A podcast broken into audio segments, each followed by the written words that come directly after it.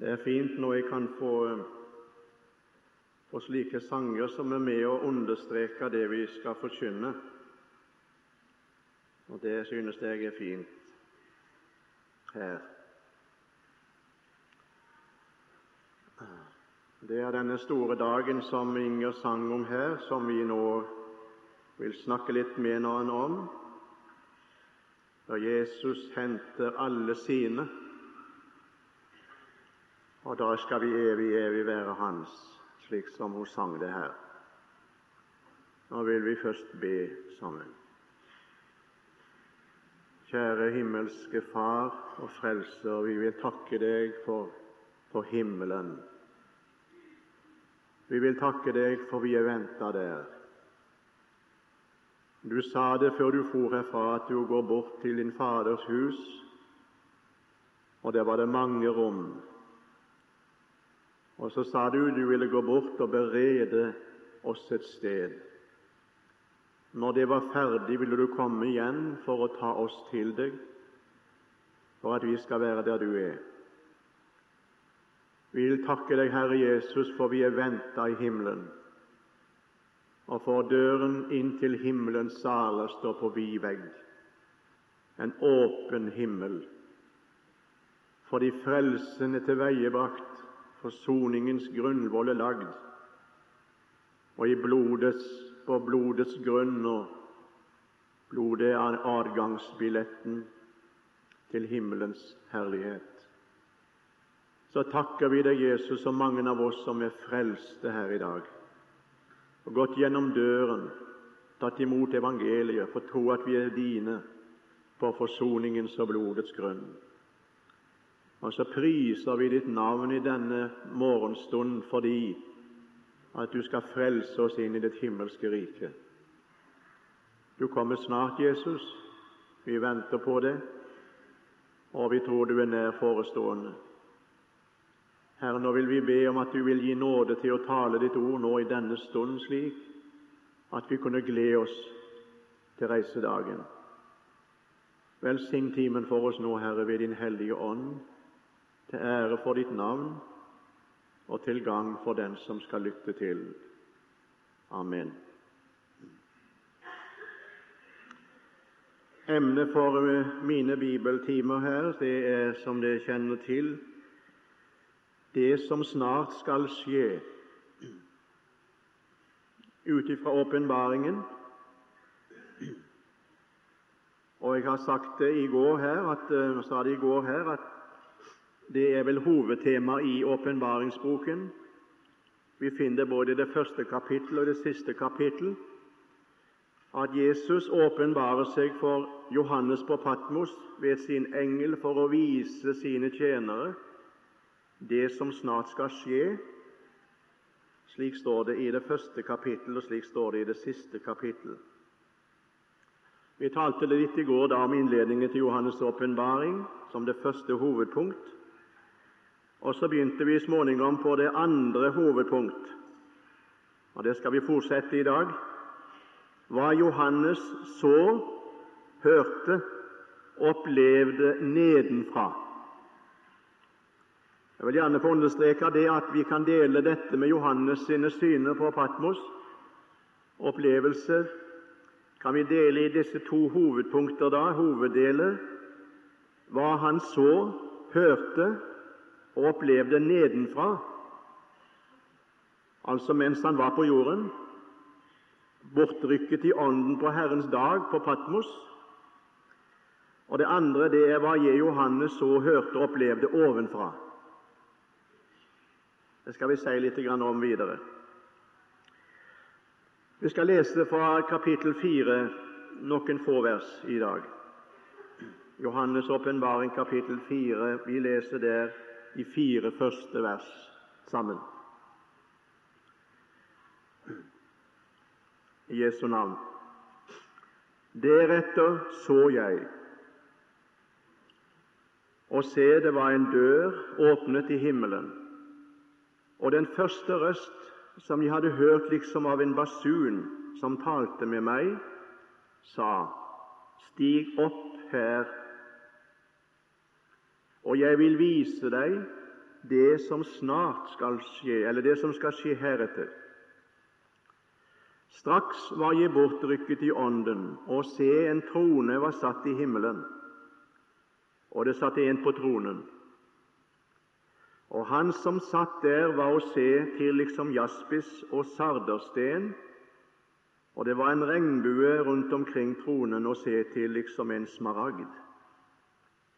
Og rundt omkring tronen var det 24 troner, og på tronene så jeg 24 eldste sitte, kledd i hvite klær med gullkroner på sine hoder.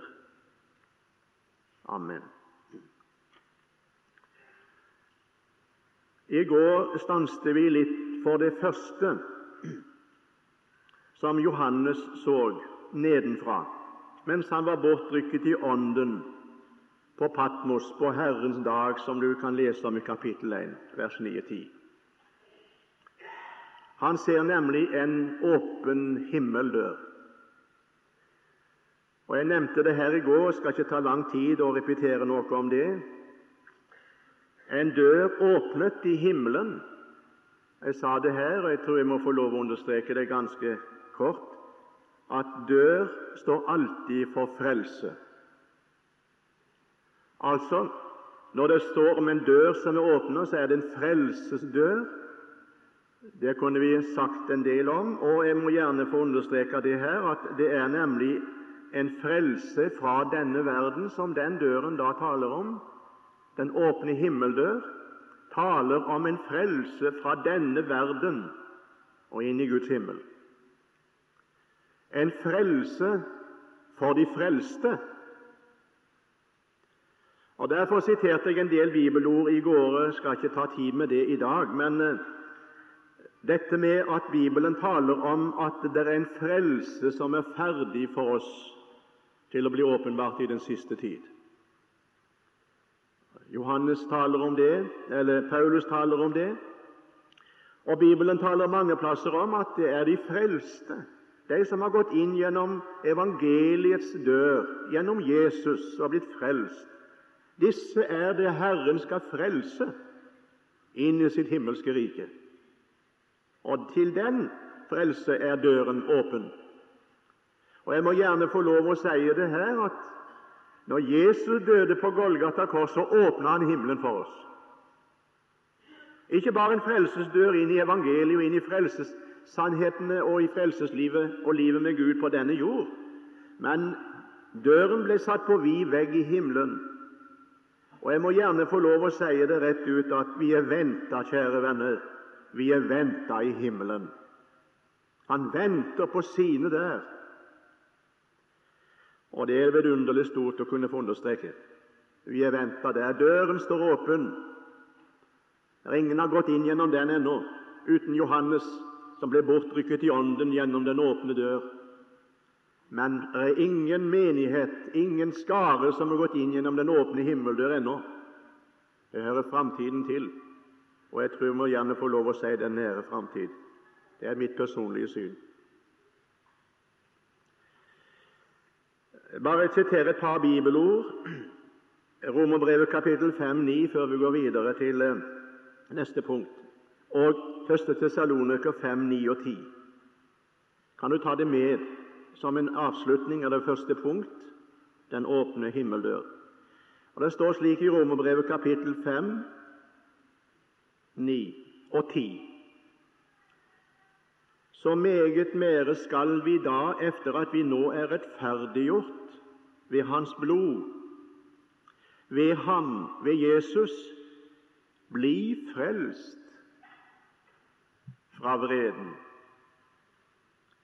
Og så sant vi ble forlikt med Gud ved Hans Sønns død, da vi var fiender, så skal vi så meget mere bli frelst ved Hans liv, efter at vi er blitt forlikt. Og Dette er noe av dette som vi snakker om nå, frelst ved Hans liv frelst ved hans liv. Og Paulus skriver i Kolossenserbrevet at det er Kristus som er vårt liv, sier han. Når Han åpenbares, skal vi åpenbares med Han i herlighet. I første Tessalonikerbrev, kapittel 5 og vers 9. Der står det slik og ti. For Gud bestemte oss ikke til vrede, men til å vinne frelse ved vår Herre Jesus Kristus. Han som døde for oss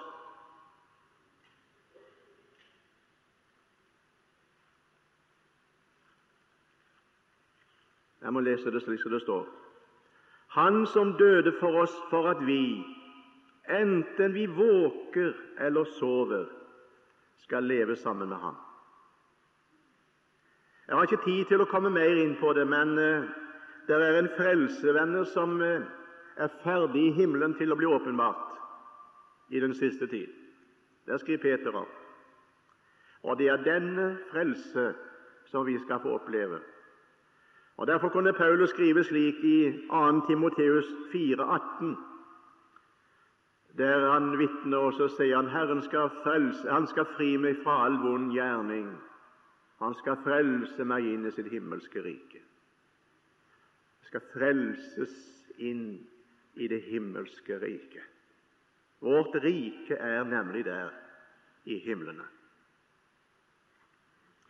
La oss nå gå til punkt to om det som Johannes hører nedenfra. Han sier det slik Jeg hørte en røst som en basun. Den første røst som jeg hadde hørt liksom av en basun som talte til meg og sa:" Stig opp her. Den første røsten som han hørte, det står om i kapittel 1. Og Det er når han er ute på Patmos at han opplever at Herren taler til ham. Og Du kan lese om det i kapittel 1, uten at vi tar tid med det. Men han sier like det får lov å nevne det bare. Han sier i vers 10.: Jeg var bortrykket i ånden på Herrens dag, og jeg hørte bak meg en høy røst som av en basun, som sa:" Det du ser, skriv det i en bok og send det til de syv menigheter, osv. Nå sier Johannes at han hørte den samme røsten, den som han hadde hørt første gangen på Herrens dag, da han så Jesus mellom lysestakene og hørte hans budskap til menighetene, som Johannes skulle nedskrive. Denne gangen hører han Jesu røst ovenifra, fra himmelen. Han var bortrykket i ånden, sier han, til himmelen. Han hører Jesu røst fra himmelen. Og hva er det Jesu røst nå sier? Nå sier ikke Jesu røst slik som det første gangen han hører han på Patmos, når han er bortrykket i ånden på Herrens dag. Men nå sier Jesus noe. Han sier, Johannes Stig opp her. Eller for å si det på vår måte Johannes, kom nå! Kom nå. Stig inn. Jeg venter på deg. Og Jeg må gjerne Da sier Johannes det slik Og straks etter den røsten, som er som en basunrøst, straks, sier han, ble jeg bortrykket i ånden. Nå er han ikke bortrykket i ånden slik som han opplever det på Patmos første gangen han opplever det. Han er jo fremdeles på Patmos. Men han opplever det på en annen måte, for nå nå rykkes han plutselig i sin ånd inn i himmelen. Gjennom den åpne himmeldør inn og det han siden nå får se, det får han se. Og det han siden nå får høre og oppleve, får han se, høre og oppleve ovenfra.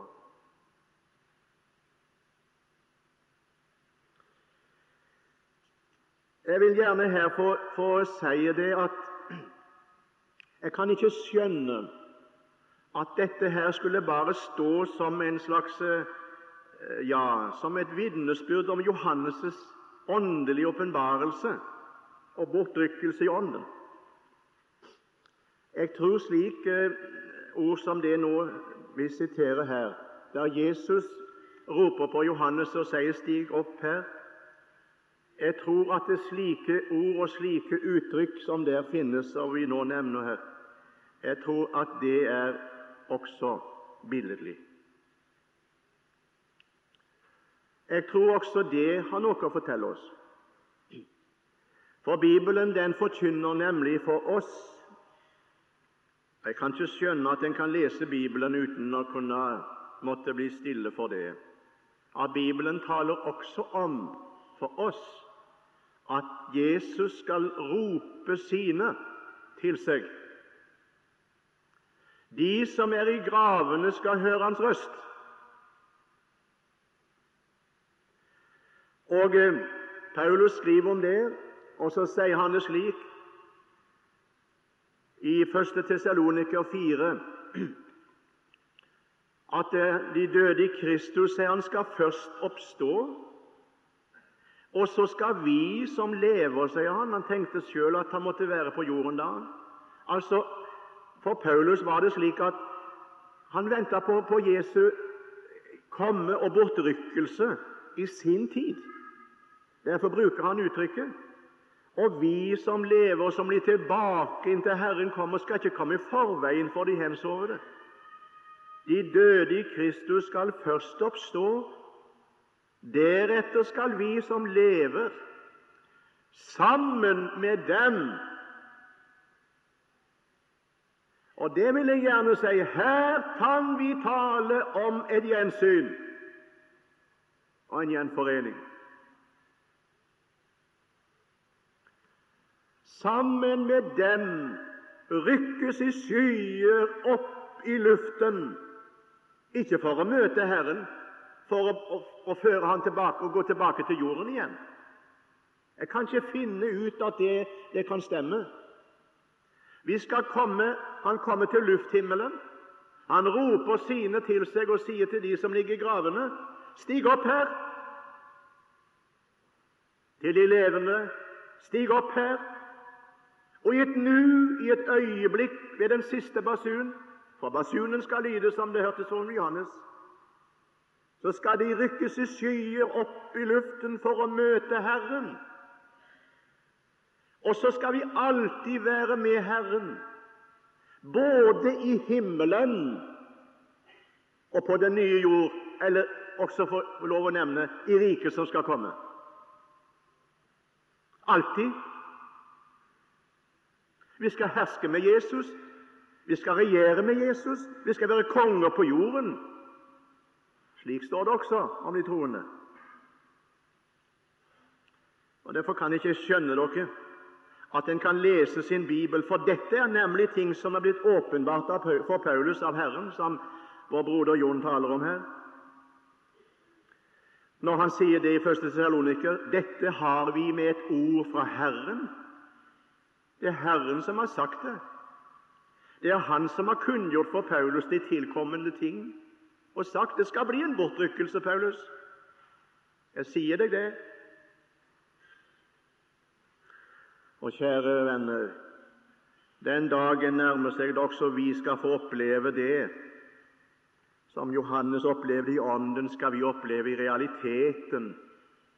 For Johannes' legeme var på Patmos mens ånden hans ble rykt inn, eller ble rykt gjennom den åpne himmeldør og inn i sjølve himmelen og så disse tingene vi skal snakke om nå.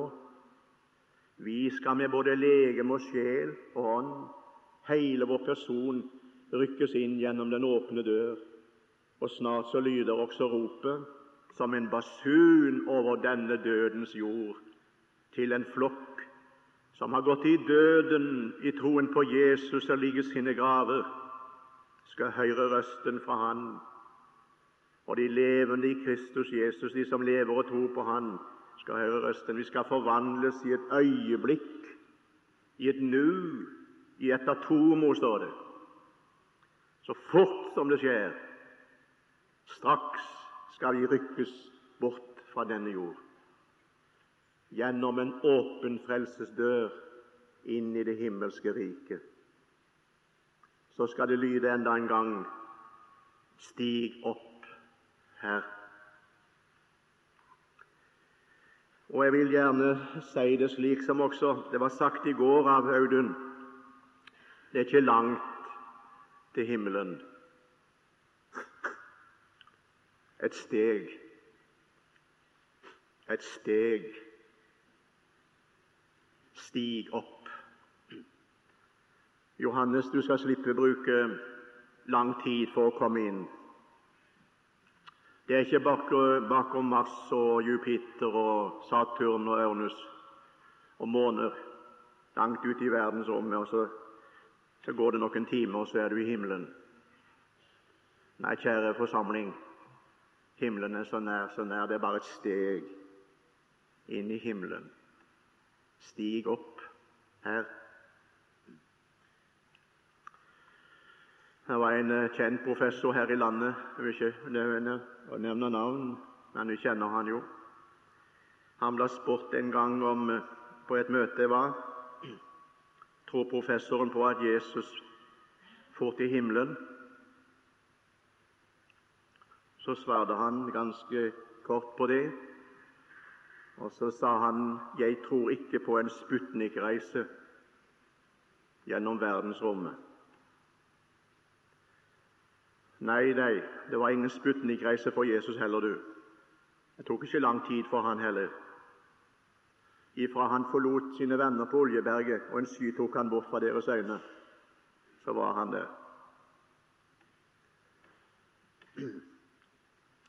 Det er vidunderlig å kunne få lov til å tro på dette, at det er en bortrykkelse som er forestående. Og Jeg har sagt det mange ganger jeg vil gjerne få understreke det her i dag. Jeg venter ikke på noen ting annet.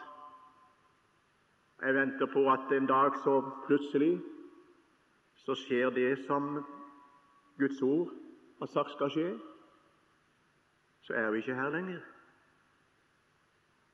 Så er vi ikke her lenger. Det står noe om Enok at han vandra med Herren, og så blir han borte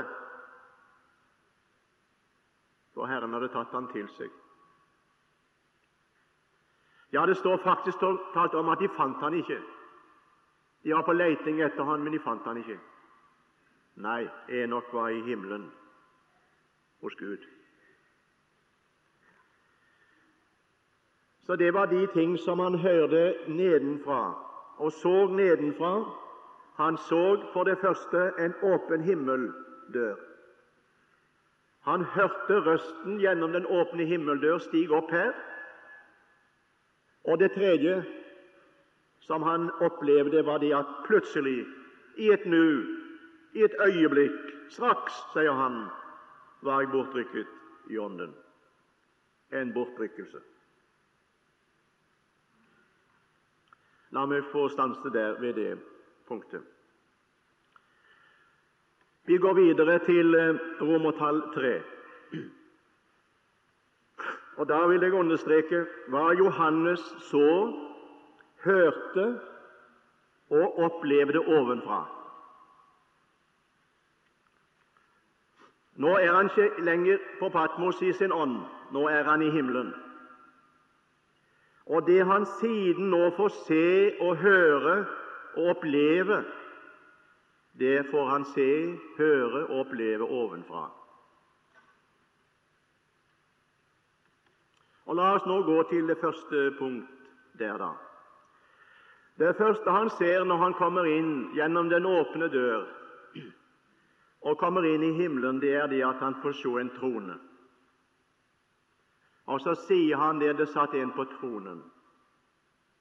Og så prøver han å skildre han som sitter på tronen, med jordiske og verslige verdimønster. Han sier det at han ser ut som jaspis og sardersten. Altså disse vidunderlige verdi, verdiene her i denne verden. Det er når Johannes skal skildre Jesus, f.eks. også i kapittel 1, så bruker han veldig sterke bilder og veldig sterke eh, symboler når han skal skildre hvordan Jesus ser ut. Han sier bl.a. om han at hans, hans eh, røst var som lyden av mange vann. Han sier det at han, eh, hans ansikt var som solen når den skinner i sin kraft. Han kan ikke, visste ikke hva, hva ord og, og, bilder han skal bruke når han skal skildre det himmelske vesen, og skildre Jesus og skildre Gud. Og Derfor bruker han uttrykket her, og så sier han han så ut som jaspis og sardersten.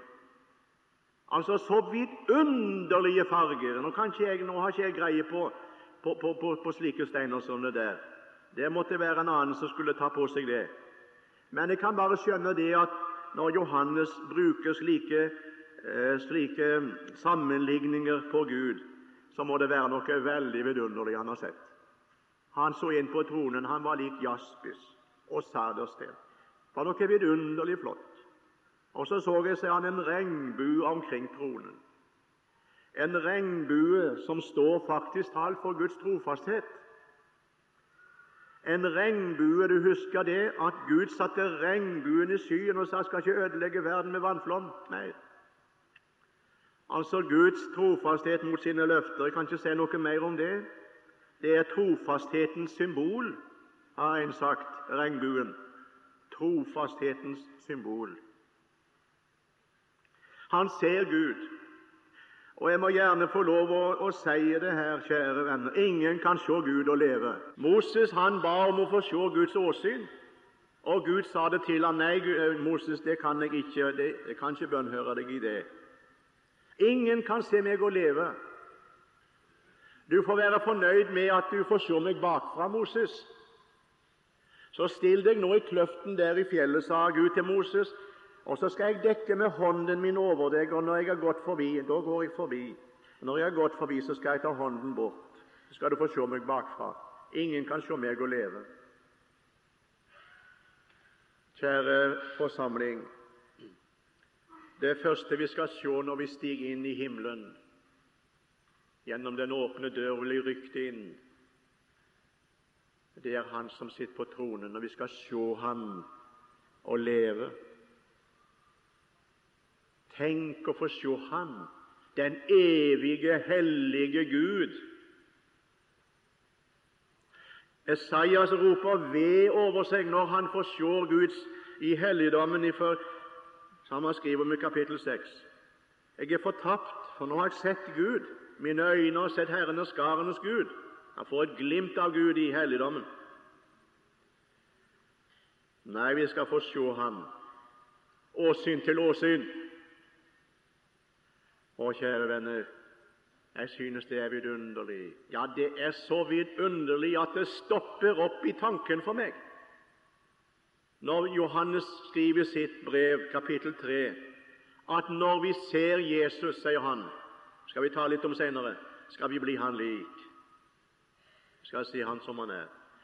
Disse øyner som jeg ser med mine øyne i dag i denne forsamling, og du med, skal du en dag skue Gud.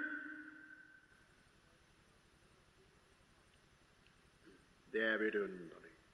Jeg skal få skue Gud, se Han som Han er, og tåle det.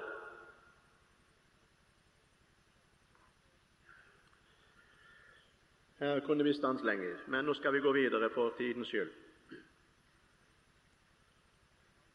Punkt to. Jeg vet ikke om du har lagt merke til noe her. Han sier det at når han ser tronen og Gud på tronen og skildrer han, så sitter han der alene. Han sier det han så en på tronen. Ja, men var det ikke to på tronen, da? Sitter ikke Jesus ved Faderens høyre side, da? Ser han ikke han? Jeg vet ikke, Det står ikke apostrof over én, men han sier det iallfall slik. Han ser tronen, så sier han og det satt én på tronen. Jesus fikk plass ved Faderens høyre side på hans trone. etter hjemkomsten fra seieren over døden og synden. Han sitter ved Guds Faders høyre hånd, Romerbrev 8, 34. Faderen satte han ved sin høyre hånd i himmelen. Kolossenserbrevet 3,1, der Kristus sitter ved Guds høyre hånd. Hebreerbrevet 1,3, han satte seg ved majestetens høyre hånd i himmelen.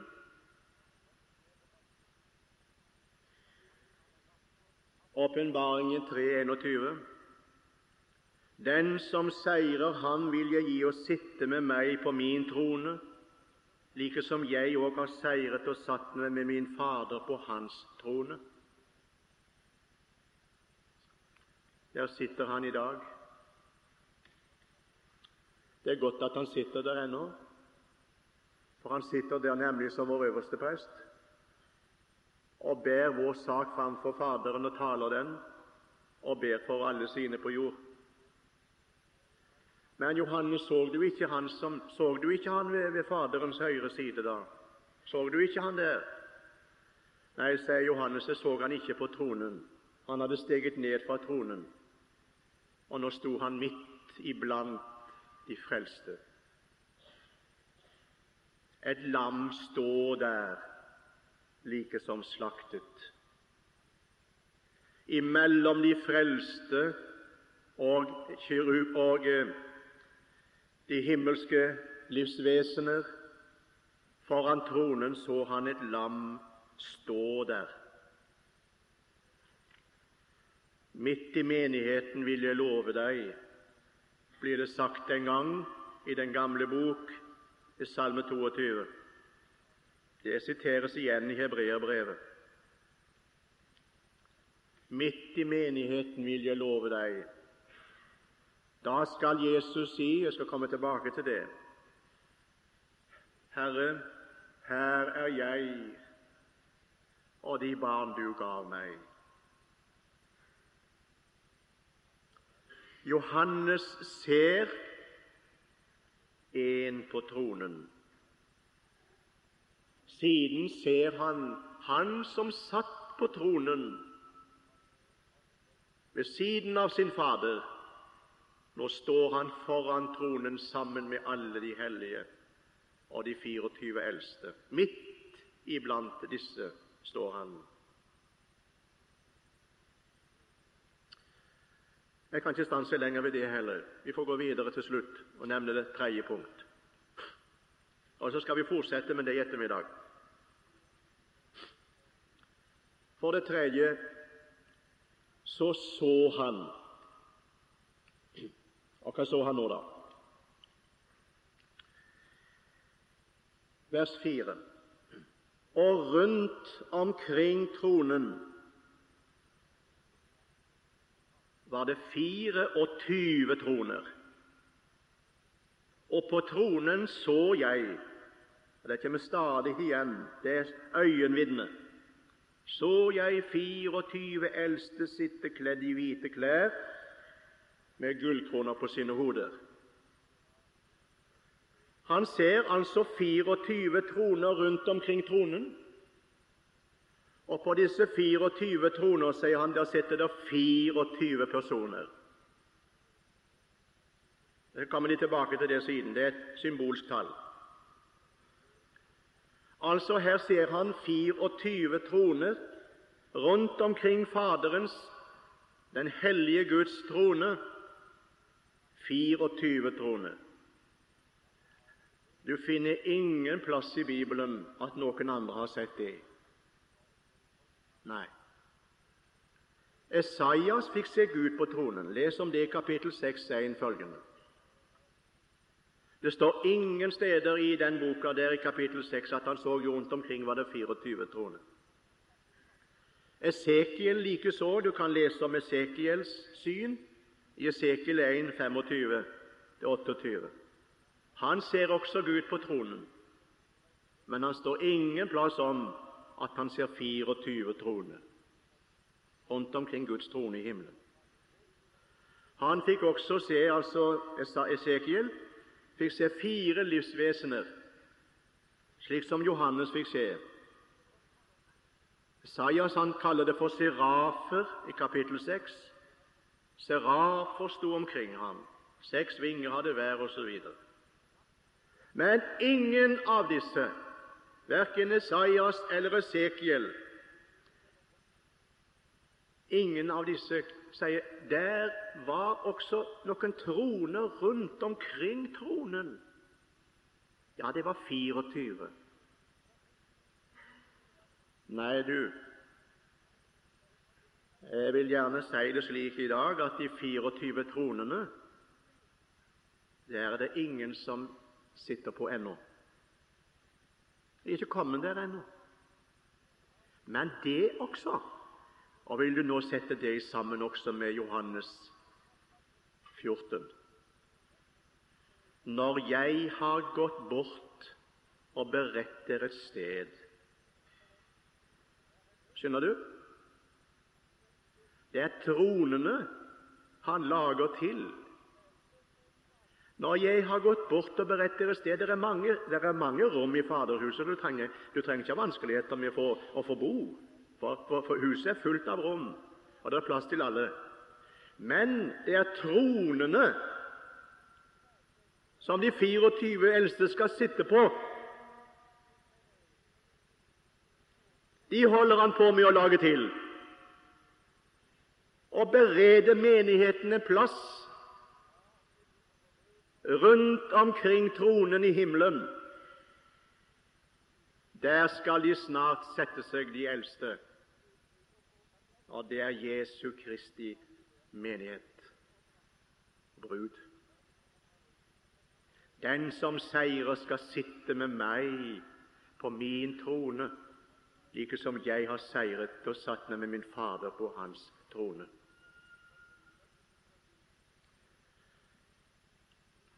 De 24 eldste som sitter på 24 troner. Hvem er de? Det skal vi tale om i neste bibeltime.